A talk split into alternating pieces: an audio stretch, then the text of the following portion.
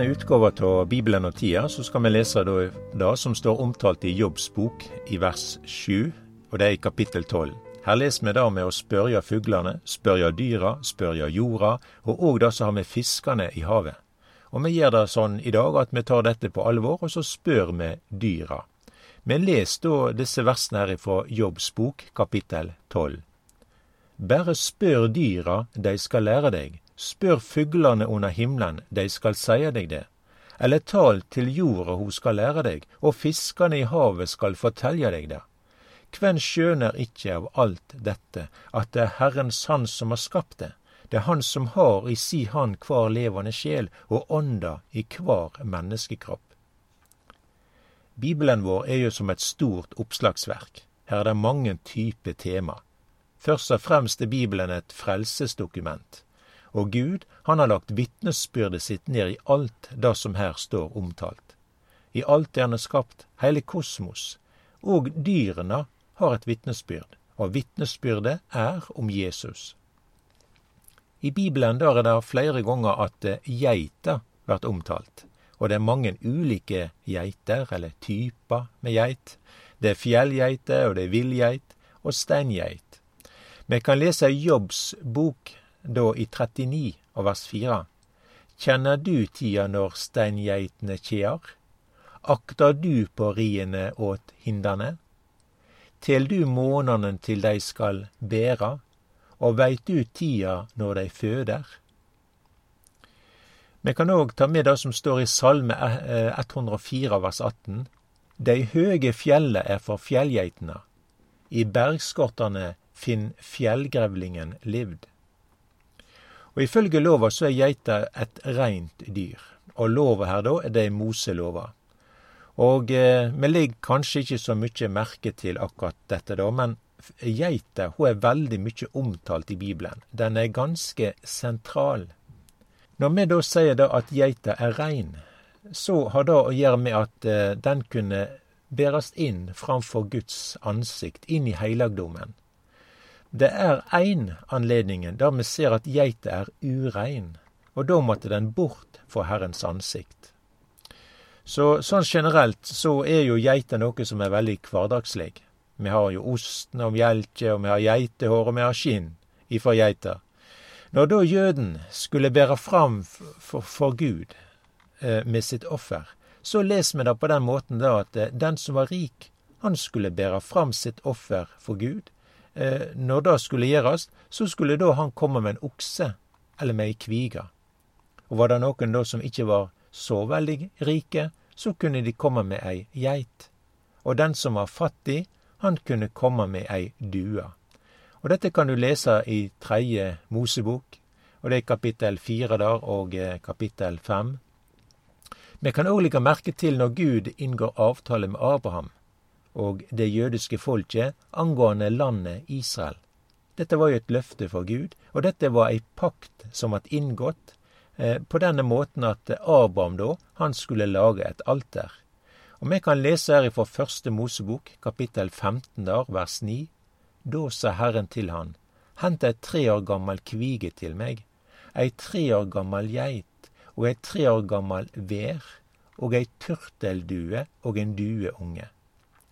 Så Gud han gjør avtale angående landet da, til Abraham. Israels Gud er forplikta på det han har sagt. Alle de dyra her som er omtalt, det skulle deles i to deler. Og hver part av, av de som inngår avtalen her, skal gå igjennom kjøttstykkene. Og Her er det da to parter her, og det er Gud sjøl, og så er det Abraham. Og det som skjer her, er at eh, når alt dette her blir laga til og så videre, og det er klart for eh, at hver part skal gå gjennom kjøttstykkene, så har Abraham sovna ifra hele greia. Og det er Gud sjøl aleine som går gjennom kjøttstykkene her. Og Det betyr det at eh, landløftet til Abraham og det israelske folket, det har med nåde å gjøre. Det er i nådepakt. Og det er Gud aleine som har tatt på seg forpliktelsene. Og eh, dette har da med pakter angående landet. Vi kan jo lese mer her, da, for det som eh, Vi står her i Første Mosebok kapittel 15, og vi leser i forlengelsen av det som har med eh, pakter som har inngått, både med geiter og med kvig og, og duer her, da. Så står det at vers 18 Den dagen gjorde Herren ei pakt med Abraham og sa Til de ett har jeg gjeve dette landet, fra Egypterelva og like til Storelva Frat. Og vi kan si da at landløftet til Israel da er ei ensidig eh, pakt. Og det betyr at forpliktelsene her, det er noe som hviler fullt og heilt på Herren sjølv. Og eh, dette er ei gåve, kan vi lese i Romerbrevet, og Gud angrer ikke på sin nåde gåve. Og eh, dette er sagt i den anledningen som har med løftet Gud gav angående landet. Så skulle det være på den måten at Gud skulle gå bort ifra det som han har lovet her, angående Israel og jødene og landet her, da, så er ikke Israels Gud lenger truverdig. Men Gud er ikke på den måten at han er ja og nei, at han er skiftende. Israels Gud er truverdig. Gud er å rekne med. Og det er helt tydelig da at Gud mener alvor. Når han da sier her til Abraham og etter hans og angående Israels land Altså, vi ser at Gud mener alvor når han let geiter døy. Og eh, vi kan jo gjøre det på den måten her at vi kan spørre dyra, og de skal lære deg. Og vi kan jo spørre denne her geita her, da. Og da vil vi få til svar, og vi vil høre da at Gud er trufast. Og når det gjelder Israel, da, så har Gud forplikta seg. Og det er geita her som er lagt på alteret hjå Abraham. Vi kan jo finne det flere ganger i Bibelen at geita blir lagt på et alter og det har i forbindelse med syndofferet. Og da kan vi lese det som geita forteller. Tredje Mosebok, kapittel fire der, da, og så er det i vers 27. Dersom det er noen av folket som har vannvare synder mot ett av båda for Herren og gjør noe som han ikke har lov til, og slikt fører skyld over seg. Så her er det da omtalt dette med å synde i vannvare. Og det har å gjøre med når jeg synder og ikke veit om at jeg gjør det. Det kan være ord, eller det kan være handling, eller det kan være så mange ting slikt, da. Men det er mange synder som jeg veit om. Og de forteller da Bibelen at vi skal bekjenne dem. Og jeg vil tro at vi kjenner til bibelord her fra første Johannesbrev, kapittel 1 av vers 9. Dersom vi sanner syndene våre, er Han trufast og rettferdig, så Han tilgir oss syndene og renser oss for all urettferd.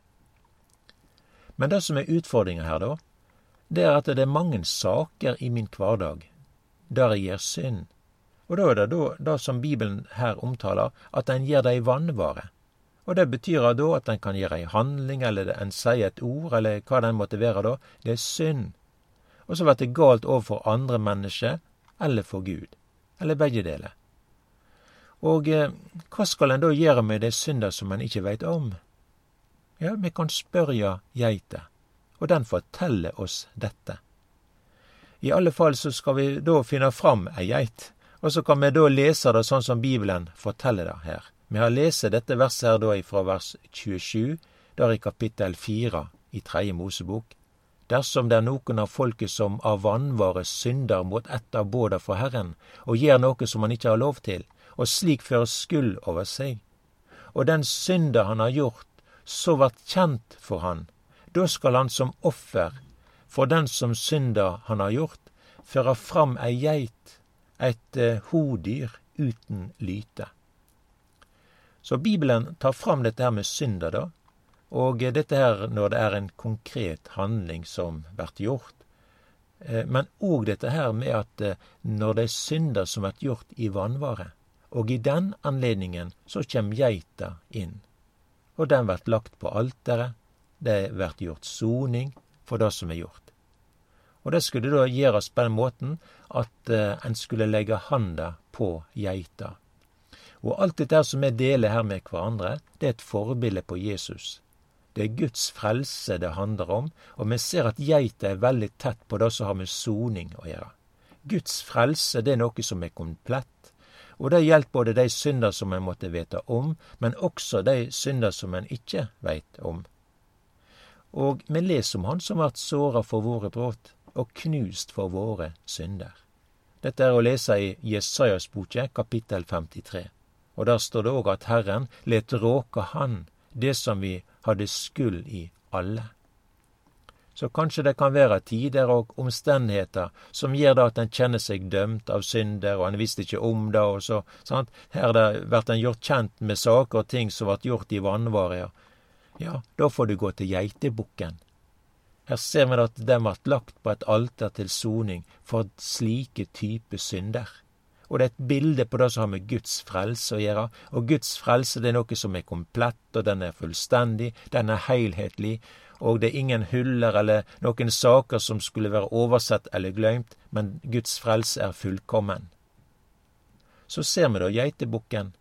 Den er sentral når det gjelder landet Israel og løftet som Gud gav til Abraham.